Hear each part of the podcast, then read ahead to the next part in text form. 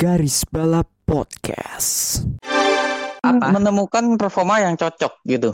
Oh, maksudnya eh, Yamaha ini siap untuk eh, apa sih namanya siap untuk menyajikan motor yang bagus untuk Vinyales gitu. Betul, betul, setelah betul, betul. setelah musim lalu Vinyales ancur-ancuran gitu.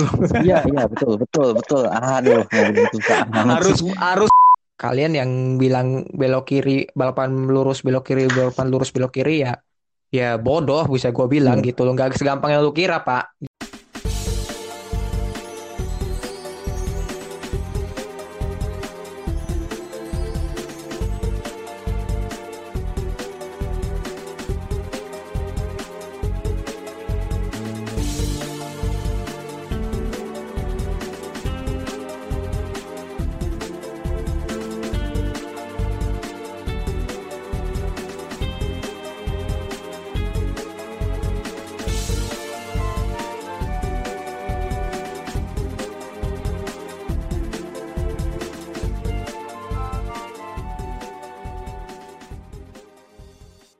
kembali lagi di garis balap episode berapa lah pokoknya. Gua bagus. Dan gue Yogo. dan ya udah memasuki bulan Februari. Ya sebenarnya bukan memasuki sih ini udah pertengahan. Jadi selamat hari besok hari hari Rabu ya hari Rabu. Meskipun hari ini meskipun ini direkam pada hari Selasa tapi diuploadnya pada hari Rabu jadi selamat hari Rabu untuk kalian yang bekerja dan eh, mengais uang untuk kebutuhan sehari-hari dan selamat beristirahat untuk kalian yang bekerja gitu. Heeh. Dan sekarang ya udah masuk udah di bulan Februari tahun 2021 masih dengan kondisi yang sama kondisi COVID-19 ini. Yok, gua mau tanya nih, em, lu selama tahun 2021 ini lu ngapain aja? Ya 2021 ini ya dari Januari Februari Hmm. ya dengan kondisi yang sekarang. Januari, Februari ya udah. Pokoknya dari awal, awal nih, awal pandemi 2020 Yes, sampai sekarang, iya.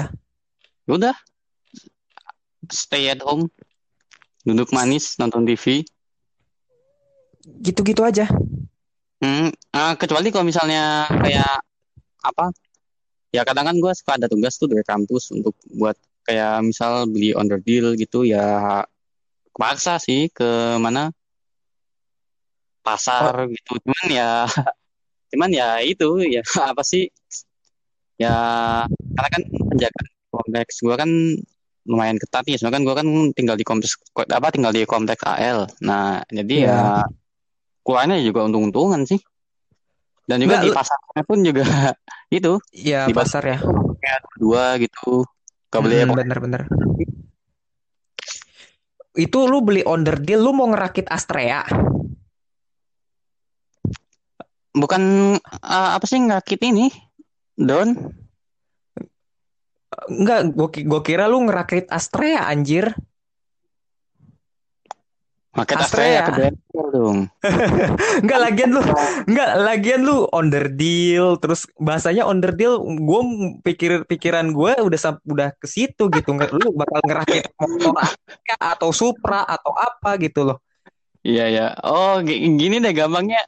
Ah gampangnya perangkat elektronik. Nah Oh, lu beli perlengkapan elektronik untuk merakit ini, merakit apa sih namanya tuh? Drone. Pokoknya iya.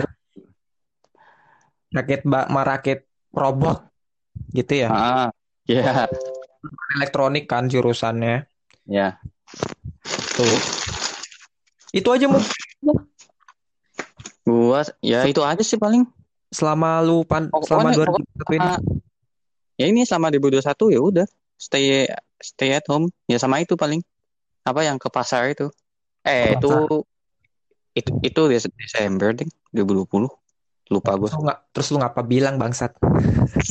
iya sorry, sorry, sorry. oh ya ya nih nih lo lo lo nih lo nih ngapain nih lo ngapain nih Ya, ngapain? Ini gue lagi nge-record sama lu.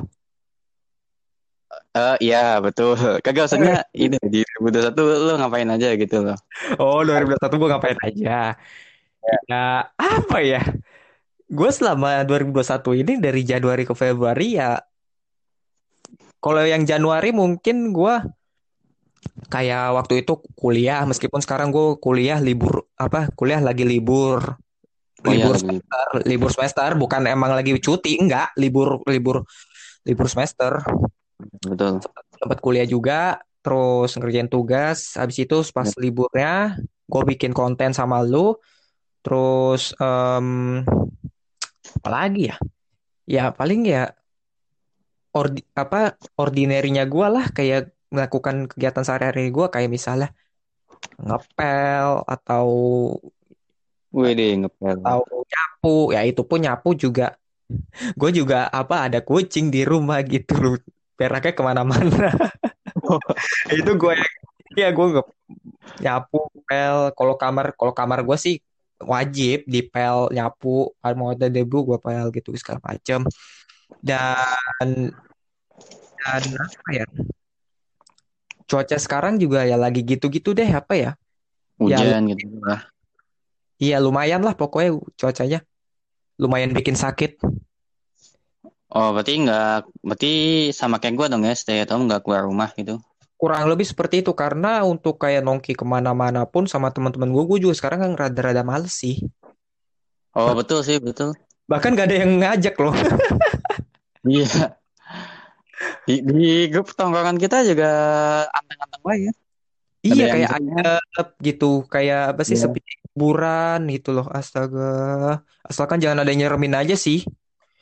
Ya jadi ya eh, itulah cuaca bikin lumayan sakit gua pun juga sampai sekarang pun juga gua rada-rada meriang sih jujur sih. Meskipun suara gua nggak kelihatan meriang tapi kondisi gua lagi ngedown. Tapi alhamdulillah udah cukup membaik. Gue sampai nyiapin panadol terus sakatonik ABC padahal sakatonik ABC tuh vitaminnya anak-anak loh.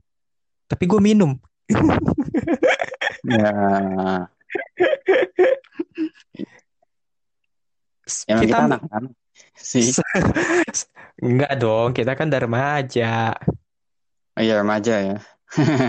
bukan remaja lagi kita pradewasa pak. Tapi gue heran loh sama orang-orang. Ya kita termasuk sih. Waktu anak-anak waktu masih jadi anak-anak itu kita kepengen dewasa.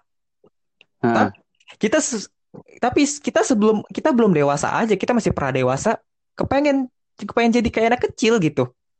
Iya, pengen Gak ada kayak anak kecil ya. Segala macem ya emang lah man- namanya manusia. Banyak maunya sih. Mau yang anak-anak mau jadi dewasa mau jadi ini giliran udah dewasanya eh. Ya. kayak apa ya? Kayak istilah serba salah. Lu jadi anak-anak salah lu jadi dewasa salah. Ya enggak Iya. ya gitulah. Nah. Iya. Nah, mengapa gua tadi aja. Betul ya nikmatin aja dengan keadaan apa pun ya kondisi juga lagi benar-benar parah ditambah COVID plus cuaca hujan. Kalau kalian tinggal di Jakarta, kalau kalian tinggal di luar Jakarta, gue nggak tahu ya. Tapi ya lagi ya iklimnya lagi nggak jelas lah. Lagi ekstrim cuacanya ekstrim gitu loh kalau bahasa Ini gua gitu. bukan ekstrim sih kayak apa sih namanya? Ya hujan terus panas, hujan gitu kan. Pancaroba, pancaroba, kurang lebih gitu Oh lah. ya, coba. Heeh, Ya. betul. Eh, t- kenapa tadi gua nanya soal kegiatan yoga ngapain dan yoga sebaliknya nanya ke gua karena kita mau mau apa mau sedikit kepo-kepo dulu nih. Pada ngapain aja sih ini seputar dunia balap ya? Pada Iya. ngapain di sini selama 2021 ini di dunia balap entah itu NASCAR, WEC, IndyCar, F1 dan lain-lain. Nah, itu pada ngapain? Bukan pada ngapain aja, sebenarnya apa aja sih yang terjadi? Apa, apa ada, ada apa aja nih? Ada info apa aja nih selama ini di seputar dunia motorsport gitu kan maksudnya? Exactly, itu yang gue maksud. Jadi ya pada ngapain apa seputar mot motorsport nih Ada info ada apa apa aja gitu kan? ada apa aja sih gitu loh. Nah, Ya, karena kan kita tahu kan tidak ada balapan, tidak ya kecuali Daytona kemarin tapi kita kan eh, apa sih namanya tolak apa bukan tolak ukur kayak kita kan em, apa sih namanya acuannya kan ke F1 atau mungkin ke WEC, IndyCar dan lain-lain dan lain-lain. Itu belum ini kan belum apa sih namanya belum mulai juga kan. Belum, belum. Nah, kita acuannya ke situ. Makanya gue bilang ya ki- kita nggak nggak ada apa aja sih berita seputar motorsport gitu. Iya, betul, betul. Oke, boleh lah. Langsung aja lah ke inti ya. Udah Hmm. pelan basi. Langsung aja yok. Ke inti, inti ini gimana nih? Iya, Berarti o- tadi oke lah. Kalau, kalau, kalau gitu gue mulai dulu nih. Atau lo duluan ya yang mau mulai? lu aja deh. Gue duluan ya. Iya, Nah, lu anak udah. lu anak bawang duluan deh. Ya, udah. Oh ya, ini udah pada tahu belum nih? Gal- Ada info nih. Info, Info apa tuh? informasi. Iya, informasi. Informasi apa? Informasi tentang informasi tentang biaya kuliah di UAI. Eh, salah ya. Oke, lanjut. Informasi tentang Lu bangsat emang ya. Lu lu pakai ini kuliahan lu segala macem dong. Oke, ini nih. Sebelum lagi. Ini Ah, ya. lah. duet duet siapa tadi ya? Duet. Oh, ini. Gila.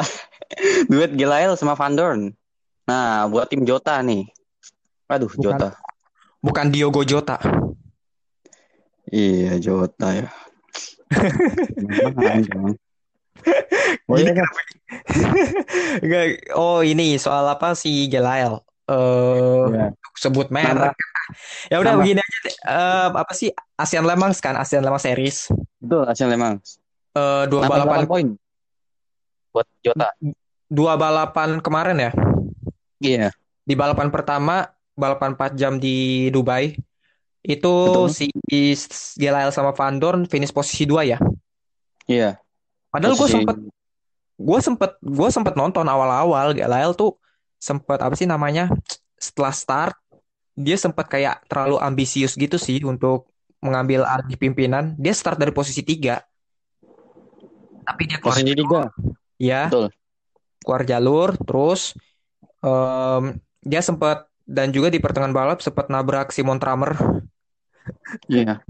parah banget itu kayak apa ya gue bukan ngetawain sih kayak dari Delail ini gak ada yang berubah kayak terlalu oportunis lah Iya. dalam hal mengambil keputusan kayak ya begitu dah Sean seperti Oh iya, itu terus juga dia apa ada insiden ya? Insiden sama Slotip. Eh, salah. Sloten. itu yang race 2 kalau nggak salah Ya, ya, betul, S2. Dari kelas LMP3 ya? Iya. itu kelas- yang race 2 itu lagi apes sih Jota sih. Di tikungan 6 masalahnya. Enggak apesnya karena ya setelah insiden pada saat setelah insiden dap kalau nggak salah dapat penalti apa ya? Dapat penalti kalau nggak salah race 1 apa race 2 gitu. Gue lupa. Eh, terus eh, di race 2 nya dia apa ki- ketika dapat gilirannya si Stoffel Van Dorn mobilnya bermasalah hingga akhirnya Iya. masuk ke garasi dan akhirnya Makan ya walah tuh 5 menit ya, kalau nggak salah. lumayan lumayan lama sih dan walah finish di posisi 6 di race 2 Iya. dan pemenangnya ini ya si siapa namanya di dua balapan itu pemenangnya si Ferdinand Habsburg Ye Yivi sama aduh satu lagi siapa tuh namanya Rene Binder Ren oh iya Rene Binder ya, tahu tahu gak? Fe- Ferdinand Habsburg Ye Yivi sama Rene Binder iya Binder. Nah, itu pembalap G Drive nah tapi ini apa di sini ada yang cukup gua apa ya? expect banget sih sama Sean karena waktu dia ma- kembali masuk ke track itu kan dia posisinya 29 ya. Betul nggak? I- iya iya iya iya. Nah, tapi dia mampu perbaiki ke posisi hingga ke posisi 5. Nah, itu kan berarti kan apa ya? Dari 29 ke 5 itu kan nggak ada ada ya. effort lah Nah, ya effort. Hmm. Ya, terlebih lagi eh, pada saat posisi 29, dia berada di tengah-tengah mobil GT sama LMP3. Itu susah itu Betul, untuk betul, betul. ngejar, GT. ngejar ke ngejar ke apa sih namanya ke kelas LMP2 gitu. Susah, susah soal soalnya apa ya? Lu menghadapi traffic dengan mobil pelan di depan lu gitu. Itu itu sulit. Tapi ya harus gua akui itu perjuangan sih, perjuangan banget dan ya wish wish them all the best lah untuk tim Iya. Jota. Apalagi ini pemanasan kan sebelum masuknya Pemanasan. musim WEC. Iya, betul. Bel- Belum menghadapi 24 Hour Le Mans. Itu lebih sulit. Iya, 24 Hour harus apa sih namanya menghadapi gelap malamnya Le Mans terus dan lu akan lu akan dihadapi dengan lu berada di mobil selama berjam-jam. Bisa aja 3 atau 4 jam. Bisa lebih dari Iya. 2 jam. Tergantung strategi tim sih. Tapi gue Iya. tahu sih. Tapi gue tahu sih ini tim Jota pasti punya strategi yang bagus karena di tim bukan kaleng-kaleng gitu Hmm. di ajang ketahanan. Ini tim juara, tim kelas wahid gitu. Dan dengan trio Sean, Stoffel Van Dorn sama Tom Blomqvist. Ini Stoffel Van Dorn sama Tom Blomqvist sih bukan pembalap kaleng-kaleng loh, pembalap Iya. bagus gitu loh. Cuman sayangnya apa ya? Si Kenapa? apa ya? Nah, tim krunya ini buat memperbaiki apa nih mobilnya Van Dorn ini katanya butuh waktunya 10 menit loh. Sementara si Yang- aja cuman butuh waktu 5 menit. Yang ini ya, yang kemarin itu. Iya. Nah, tuh Hmm, iya. tuh kira-kira apa tuh ya masalahnya tuh? Mungkin ada pada mekaniknya atau Atau mungkin lain bisa- gitu ya. I- ya bisa karena dampak dari tabrakan dia mungkin. Gua nggak tahu sih.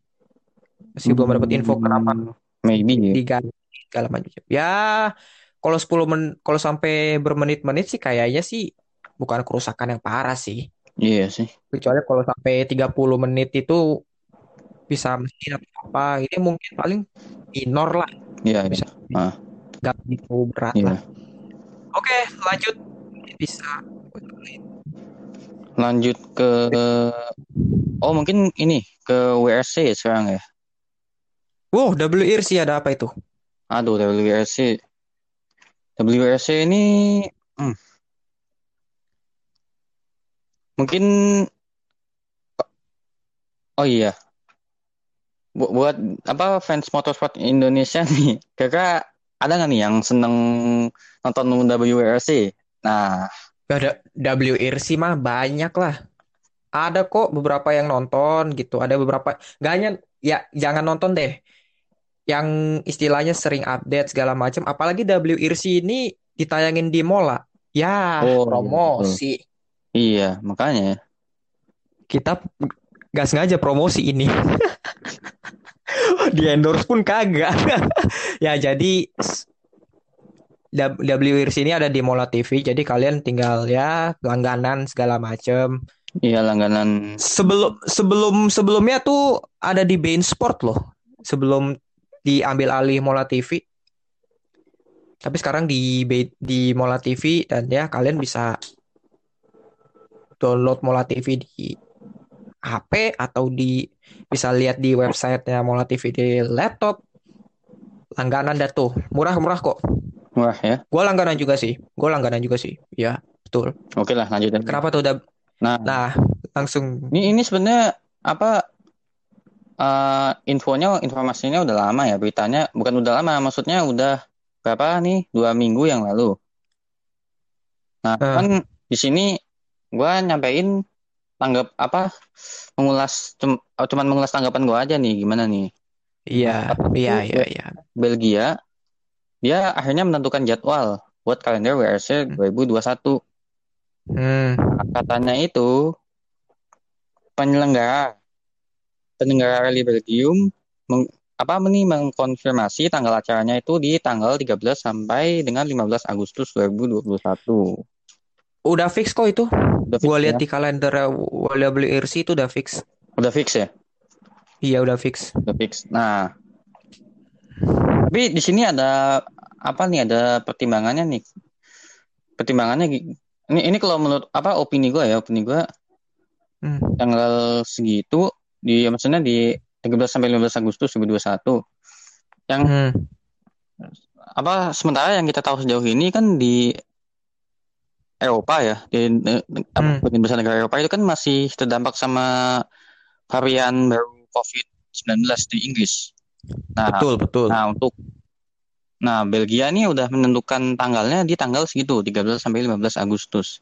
Nah, Hmm. sih cuman apa ya? Cuman kira-kira gini loh, bakal diundur lagi atau enggak gitu atau udah fix. I don't think itu akan diundur. Nah, Kayak istilahnya kayak misalnya diundur sampai tahun apa kayak tahun lalu gitu. Kalau menurut gue sih kayak ajang-ajang balapan, event balapan gini kayaknya enggak deh. nggak so- apa soalnya Enggak. apa kayak SEA Games itu kan SEA Games kan tahun ini kan ya. Nah, itu kan belum itu infonya masih belum jelas itu gimana. Iya kan? Ya jangankan si apa ya Euro 2021 du- Euro 2020 aja Nah, yang harusnya di 2020 sekarang di 2021 diundur ke 2021 ya sul apa ya belum tahu. Nah iya mak kabarnya terakhir seperti apa? Nah, iya, apakah makanya. tetap? Iya mak tapi kayaknya sih bakal tetap sih. Nggak- nggak- apa nggak usah Euro deh Olimpiade deh Olimpiade. ya tapi kan orang-orang taunya Euro kebanyakan Oh iya. Olimpiade. Olimpi- Nah, enggak maksud gue gini apa rally rally WRC Bel- Belgia ini apakah akan seperti itu atau udah benar-benar fix di tanggal segitu Em, kayaknya sih nggak bakal diubah sih karena gue yakin eh, pihak penyelenggara WRC udah mat- memikirkan ini mateng-mateng apalagi ya mereka juga harusnya tahu soal kebijakan COVID-19 ini seperti Iya. apa di negara masing-masingnya seperti apa. Kayak yang gue khawatir sih Euro sih Euro karena setiap kebijakan negara-negara di Eropa kan beda-beda. Kayak misalnya betul. Jerman yang harus mewajibkan protok apa protokol dengan isolasi mandiri dua minggu gitu loh. Ketika tiba di Jerman atau kalau mau keluar Jerman isolasi lagi dua minggu, kayak ya ribet gitu. Makanya itu kan kayak eh yang apa kayak Liga Champion lah. Iya. Eh, Leipzig, Leipzig melawan Liverpool. Iya. Kan Leipzig sebagai tuan rumah kan. Betul. Nah itu tidak boleh, apa bukan tidak boleh sih karena kebijakan protokolnya eh si yang dari luar Jerman ini kalau mau ke Jerman ini harus isolasi mandiri dua minggu ya Sulit. sulit iya Hmm. malah diundur lagi gitu jadwalnya. Nah ini nggak bisa makanya si Leipzig ini memutuskan untuk oh, udah ke tempat netral ke Hungaria ya kalau nggak salah ya. Hungaria. Iya, Hungaria ya. Iya, Hungaria, Hungaria. Iya. Betul. Ya itu jadi tuan rumahnya Leipzig gitu di apa Liga Champion leg 1 ya lawan Liverpool. Iya. Gitu. Ya kebijakan masing-masing negara beda-beda. Iya. Dan gue yakin kayak pihak penyelenggara kayak WRC, eh IndyCar, terus F1 segala macam dan lain-lain itu pasti mereka memperhitungkan. Kayaknya sih nggak bakal sih. Susah, susah untuk kayak diundur lagi gitu. Kalau toh diundur mungkin tanggalannya kali ya, nggak nggak sampai bulannya, maybe. Ya paling ya paling mau mentok-mentok kayak dibatalkan, di cancel. Di cancel ya. Kayak ini aja WEC aja Sebring aja di cancel kan di ronde pertama. Oh iya, Sebring di cancel. Gantinya Portimao 88 jam. Portimao. Ya, Ya, Iya, Portugal, Portugal. ya. Ya, mu- ya mungkin apa ya? Efek efek dari pandemi mungkin ya. Karena tapi tapi ya kita aja sih mudah-mudahan apa ya? Yang udah ditetapkan sama penyelenggara WRC Belgia maksudnya tidak akan ada halangan gitu loh. Ya tetap tetap di tanggal yang sama 13 sampai 15 Agustus gitu. Ya, se- ya setahu gua sih kalau W kalau di Belgia sih kasusnya nggak separah misalnya di Inggris atau Jerman ya. Mas, istilahnya ya gua nggak tahu ya gua nggak tahu persis seperti apa kasus di Belgia tapi eh, menurut gua sih nggak lah nggak bakal diundur atau apalah. Mentok-mentok paling di cancel. Iya. Tapi kebijakannya nggak ketat sih Belgia mah. Iya sih. Misalnya kasusnya juga dikit juga nggak bukan dikit, maksudnya nggak banyak gitu kan. Nah itu Nah. gitu. Oke lanjut nih ke oh iya. Nah MotoGP gimana nih? MotoGP kenapa tuh? Ada apa?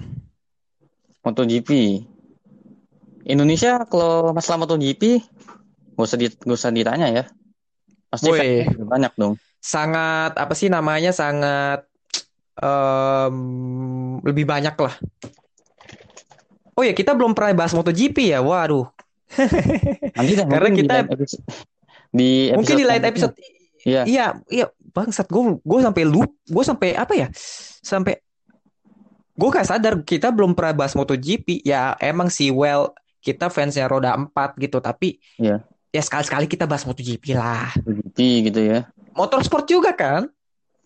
Iya. Ya kalau perlu sih balapan Indoprix juga kita bahas nanti. Boleh, boleh. Ya tergantung. Gak, jangan jangan. Gue gue nggak tahu pembalapnya siapa aja. Pebalapnya bocah semua. Gue nggak tahu, gue nggak tahu. Tapi jago-jago. Ya iya jago-jago, cuma gue nggak tahu siapa aja gitu maksud gue. Iya. Nah MotoGP kenapa MotoGP by the way? Nah, MotoGP ada Vinales. Dia sudah damai sama Yamaha. Terus dia Soal siap apa tuh? Ya, pok- ya, pok- ya damai, damai. Perdamaian, perdamaian, perdamaian, perdamaian. Ya damai jawab? apa gitu loh. Gue pun nggak tahu liriknya apa lagi habis itu. Nggak damai dalam lama apa maksud gua gitu loh. Ya dalam apa ya? Dalam dia bersama tim Yamaha gitu loh. Dia bersama tim Yamaha apa ya? Udah apa sih? Eh, Aduh, gua, gua belibet ya bahasanya ya. Ya udah yang tertulis menemukan- apa? Menemukan performa yang cocok gitu. Oh, maksudnya eh, Yamaha ini siap untuk eh, apa sih namanya? Siap untuk menyajikan motor yang bagus untuk Viñales gitu. Betul, betul, Setelah betul, betul. setelah musim lalu Viñales ancur-ancuran gitu loh. Iya, iya, betul, betul, betul. Aduh, harus harus harus banget ya gue keluarin kata-kata itu ya sebel gue. Ya, Viñales oke. Jadi Viñales eh oh ya sama tadi barusan Yamaha mengeluarkan motor terbarunya untuk musim ini.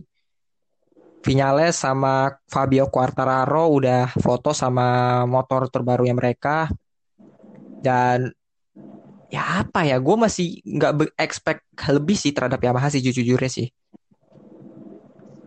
kayak oke lu kal lu menang sama Honda oke tapi apakah lu bisa juara gitu kita pun nggak expect Suzuki kemarin bisa juara gitu loh dengan. Joan Mir iya nah Juara. ini yang Nah, ini ya yang apa sih namanya yang perlu diperlihatkan harus ke Yamaha. Motor mereka kuat, tapi bisa nggak untuk juara gitu. Betul, betul. Dan ada lagi KTM ya, KTM sama Ducati udah mengeluarkan motor terbaru ya. Ya, betul. Dan KTM ini KTM Tech 3 apa KTM pabriknya sih? Gue lupa deh. Kayaknya yang pabrik deh.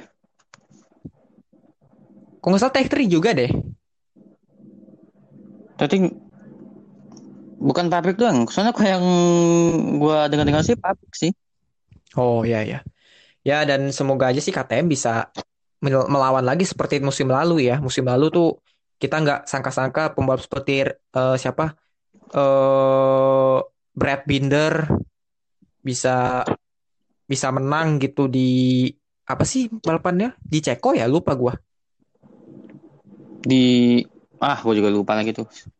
Ya pokoknya itu sama Paul Espargaro bisa podium beberapa kali itu luar biasa gitu loh. Untuk pencapaian tim juga- seperti KTM.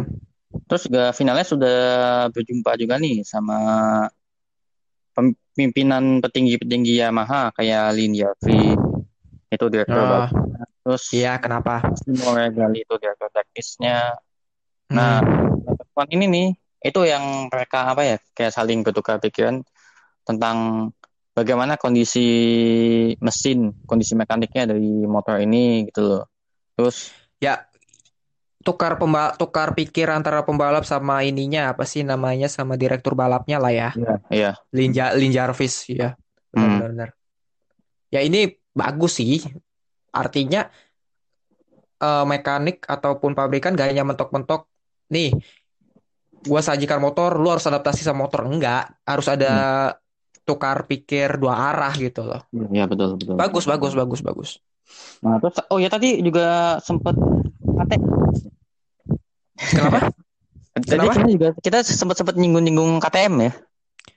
ya tadi kan kita bilang ya tadi kan gue bilang KTM sempat luncurkan motor baru terus sama Iya. Ducati Iya. ya Nah, bicara Hmm. KTM nih.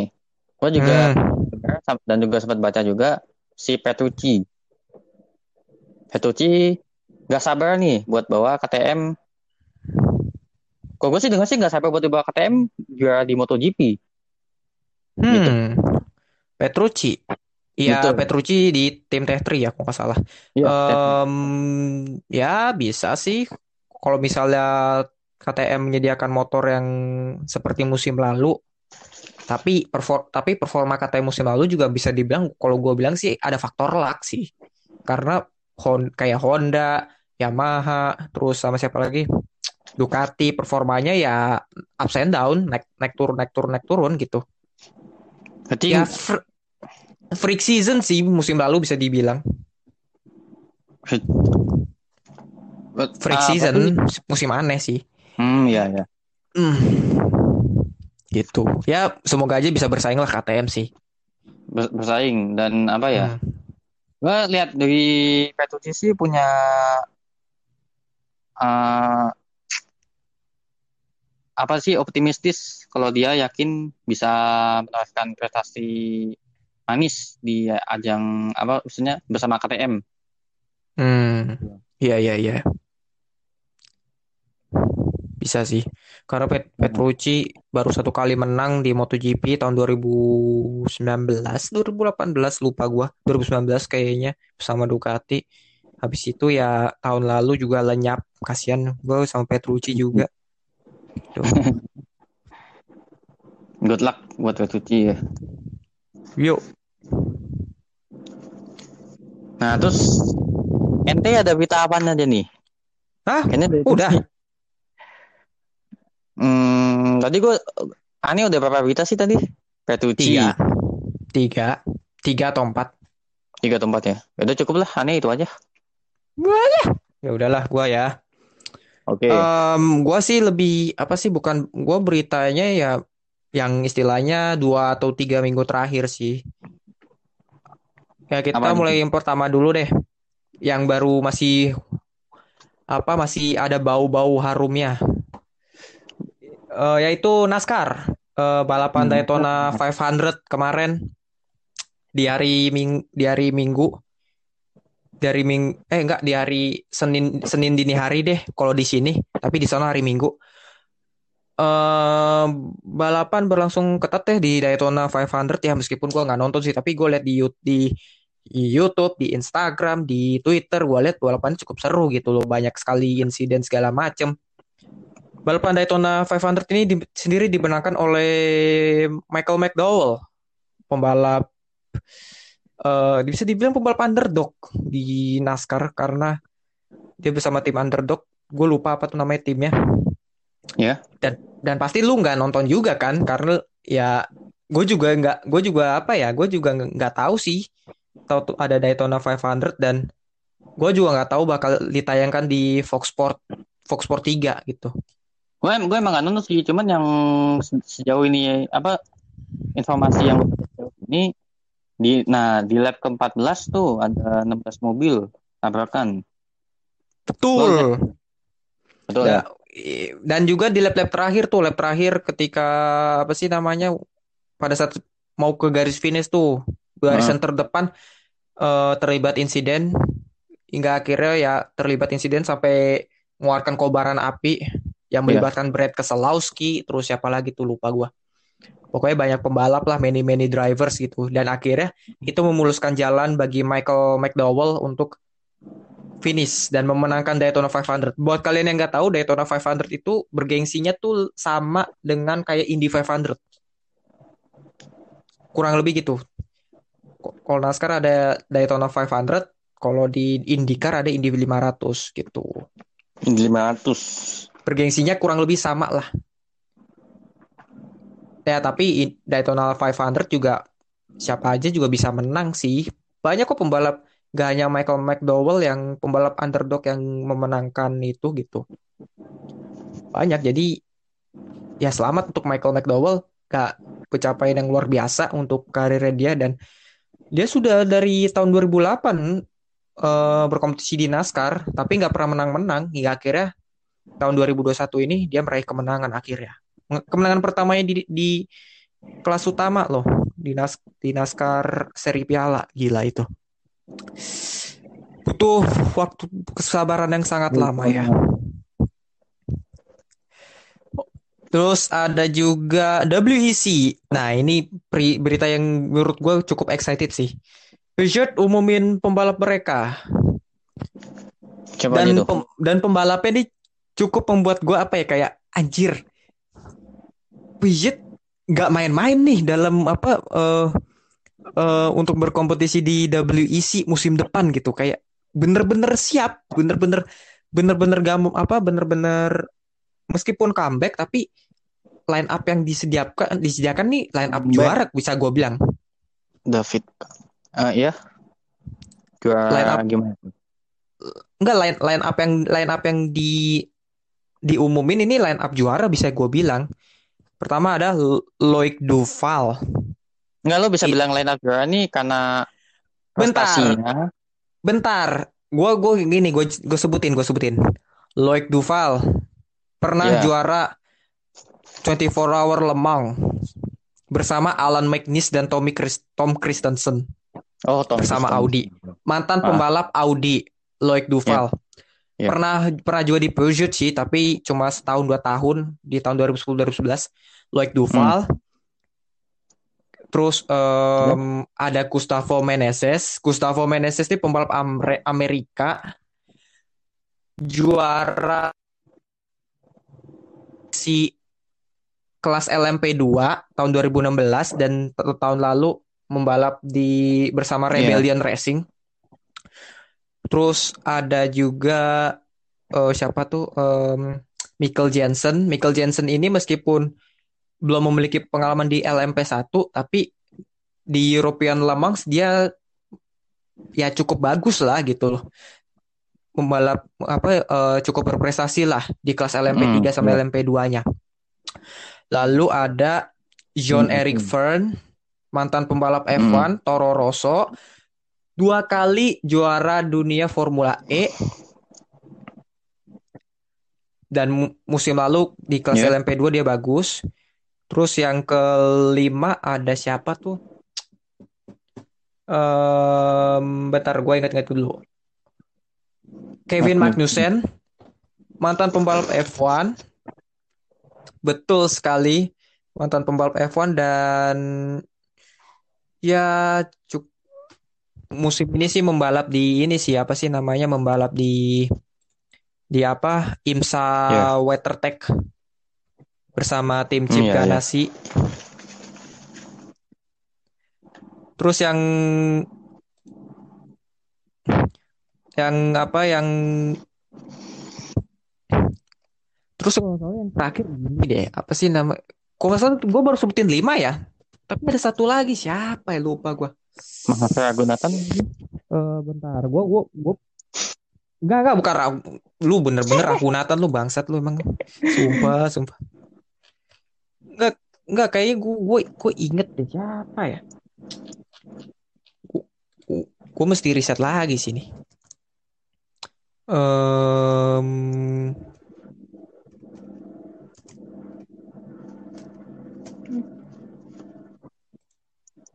sebentar. Oh, Paul Di Resta. Paul Di Resta, satu, satu Paul Di Resta, mantan pembalap F1 dan musim lalu membalap di, di kelas LMP2 bersama United Autosport, juara di Le Mans sama WEC. Yang terakhir pembalap ketujuh itu pembalap cadangan sih Oh, James. Rossiter. Hmm. Membalap malang melintang di kejuaraan ketahanan mana pun di Super Iya. GT dan lain-lain. Di WSC juga dia pernah. Hmm. Jadi menurut gue sih ini line up juara sih bisa gue bilang.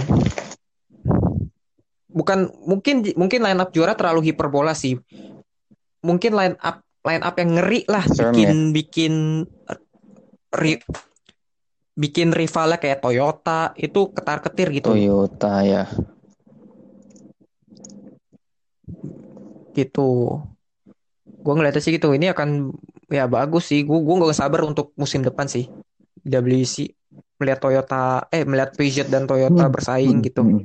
biar Toyota ada temennya gitu.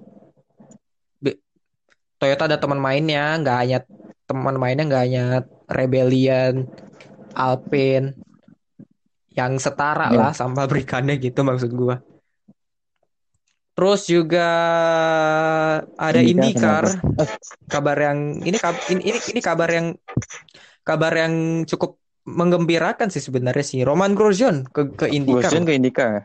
Hmm. iya bersama tim Delcoin Racing Dia di IndyCar ngapain aja tuh? ya Oh, balap. ya membalap lah masa jadi tukang Iya, iya, sapu iya, balapan.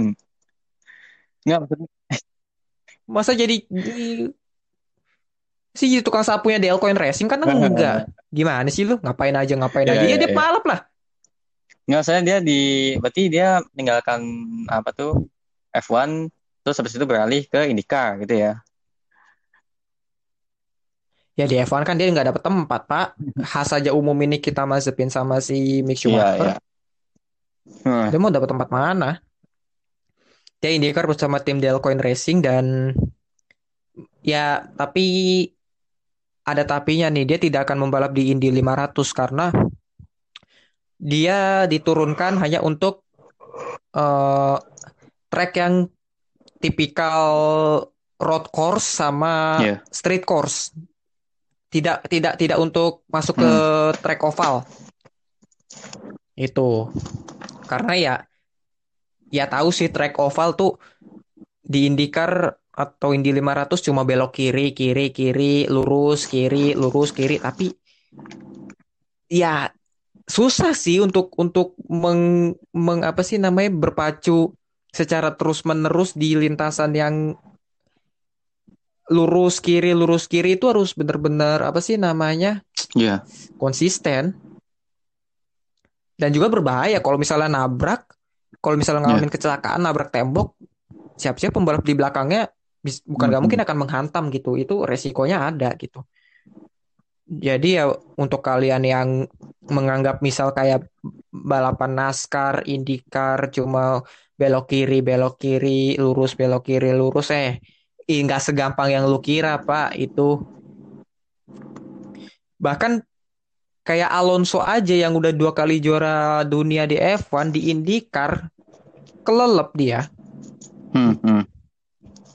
jadi ya kalian yang bilang belok kiri balapan lurus belok kiri balapan lurus belok kiri ya ya bodoh bisa gue bilang gitu loh. Nggak segampang yang lu kira pak jujur. Kalau kalian lihat di P- point of view dari pembalapnya dari kamera onboard segala macem ya itu sulit untuk menstabilkan kecepatan ketika berbelok gitu loh Ap- Tapi kan si Grosjean kalau nggak salah Gitu.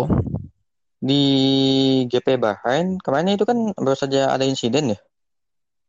Yang luka bakar. iya kan baru Nah, kan ini insiden kan di dan dia belum dan Nah, itu ap- apa dia nggak mungkin Hmm. masih ada trauma atau gimana gitu?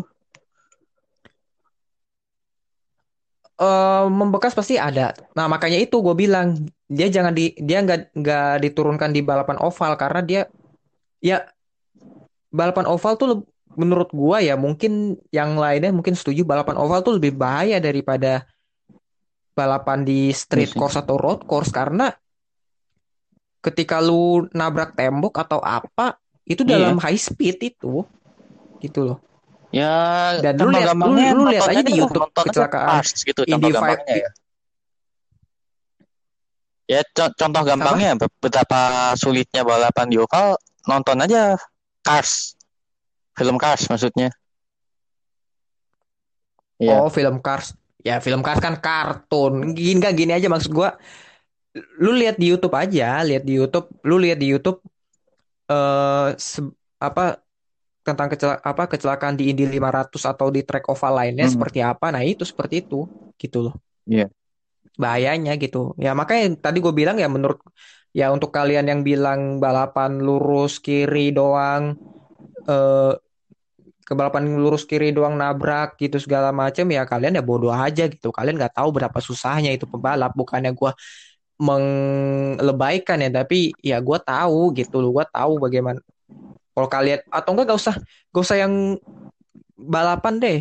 Kalau kalian yang ngendarain mobil ya tahulah betapa sulitnya ngendarain mobil gitu. Nah, itu IndyCar juga Indy 500 kalau di track oval ya begitu menstabilkan ke- Iya. kecepatan ketika berbelok Sulit, sulit. sulit itu gitu loh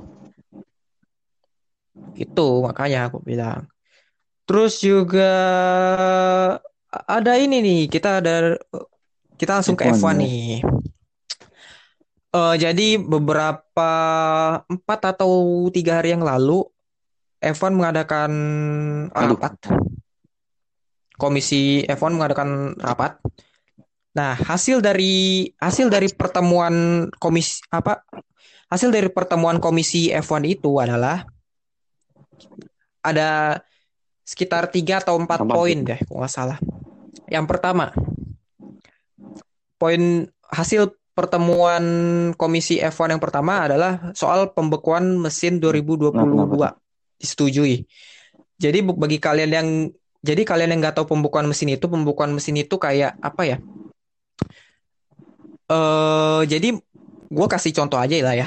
Misal Red Bull, misal misal Red Bull musim ini Hmm. memakai mesin Honda. Nah, karena ada karena ada apa sih namanya regulasi soal pembekuan mesin ini, Honda bisa memakai mesin yang dipakai tahun 2021 ini untuk dibawa ke Iya, musim betul. 2022. Paham, paham. Paham kan maksud gua? Iya, paham. Paham kan maksud gua? Nah, itu itu yang di- itu yang disebutkan disebut itu yang dis- disebut sebagai pembekuan mesin dan pembekuan mesin ini pertama kali di di ide ini diajukan oleh Red Bull dan akhirnya disetujui meskipun ada beberapa tim yang nggak setuju dengan ide ini.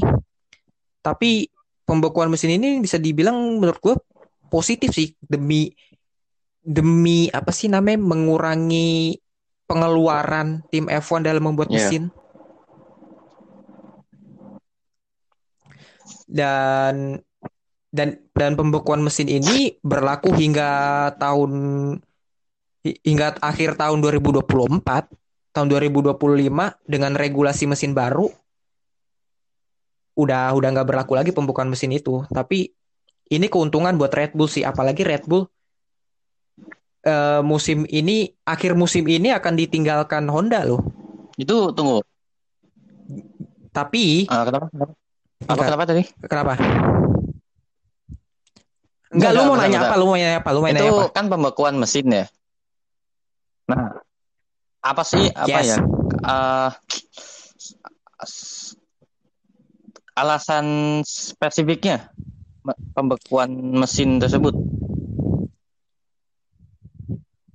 Ya itu tadi mengurangi kos, mengurangi pembiayaan dalam meng- apa dalam mengembangkan mesin, dalam membuat berarti mesin. Jadi cuma cuma di kos berarti ya, Karena di ada masalah pembekuan. harga berarti ya, masalah biaya maksudnya. finansial. kalau bisa di kalau kalau gue bilang ya mas di masalah ini sih apa sih namanya di masalah apa sih namanya cuma Biaya, berarti biaya ya. sih salah satunya sih. Nggak mungkin ya, Iya. mungkin ada sebab lain kayak misalnya, oh Kalau pembekuan mesin dilakukan untuk apa demi menciptakan lingkungan yang efisien gitu loh, maksudnya ya intinya ramah lingkungan gitu ya, bukan berarti ya. mungkin bisa dibilang eh, dalam mengurangi Oh, limbah mesin mungkin kali Ya. bisa jadi gitu loh. Mungkin bi mungkin secara tidak Iya. langsung mungkin itu, tapi menurut gua sih ini lebih ke Ke low low cost aja, kurangin pengeluaran gitu loh. Iya, betul gitu. Yang itu dan dan Red Bull sama Honda, Red Bull sama Alfa Tauri kan akhir musim ini ditinggal sama Honda kan.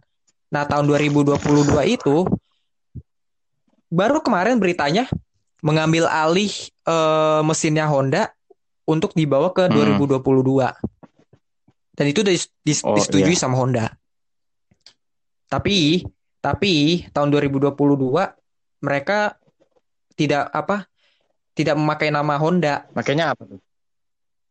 di apa sih namanya? Nah, nggak tahu dah tuh. Pokoknya mereka mengambil pokoknya mereka mengklaim mesin Honda dan mereka kembangkan sendiri nantinya Honda. si, di Red si Red Bull ini Hmm, ya ya. gitu.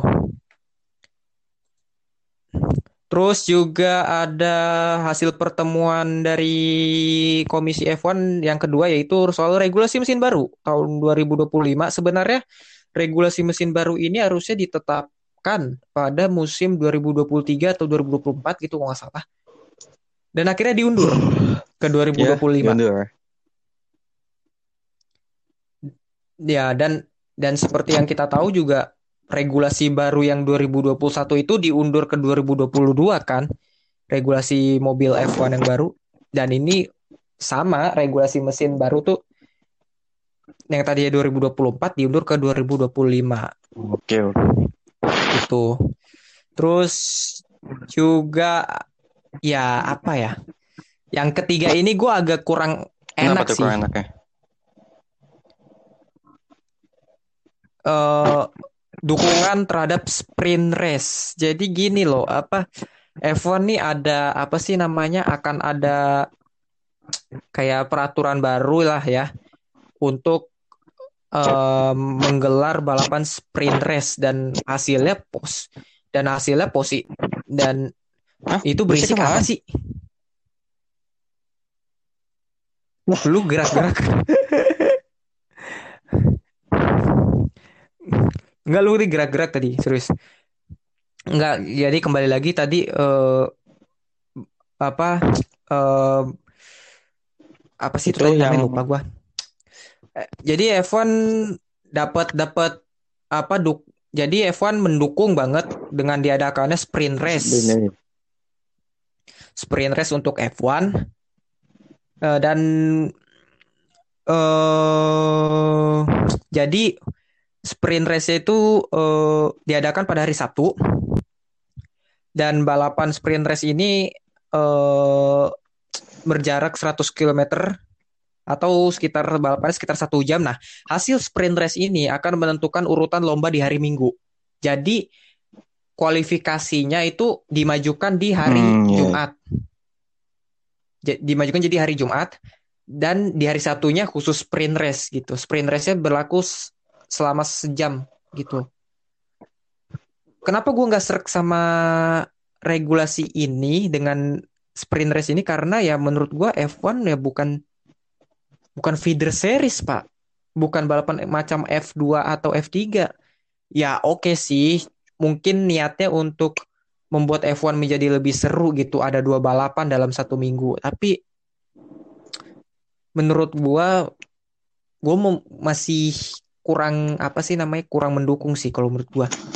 Dan katanya sih bal- eh, format sprint race ini akan diuji di Kanada, Italia, dan Brazil. Tapi kita nggak tahu sih resminya seperti apa. Masih masih belum official juga gitu. Tapi eh, berdasarkan hasil rapat yang diselenggarakan F1, ya sprint race mendapat dukung respon yang positif Oke, oke. gitu. Terus juga ada GP Portugal. Nah, bagi kalian yang sangat menyukai dan mencintai banget apa sirkuit Portimao se- sejak musim lalu, GP Portugal akan isi ronde ketiga, tapi masih Mhm. belum official.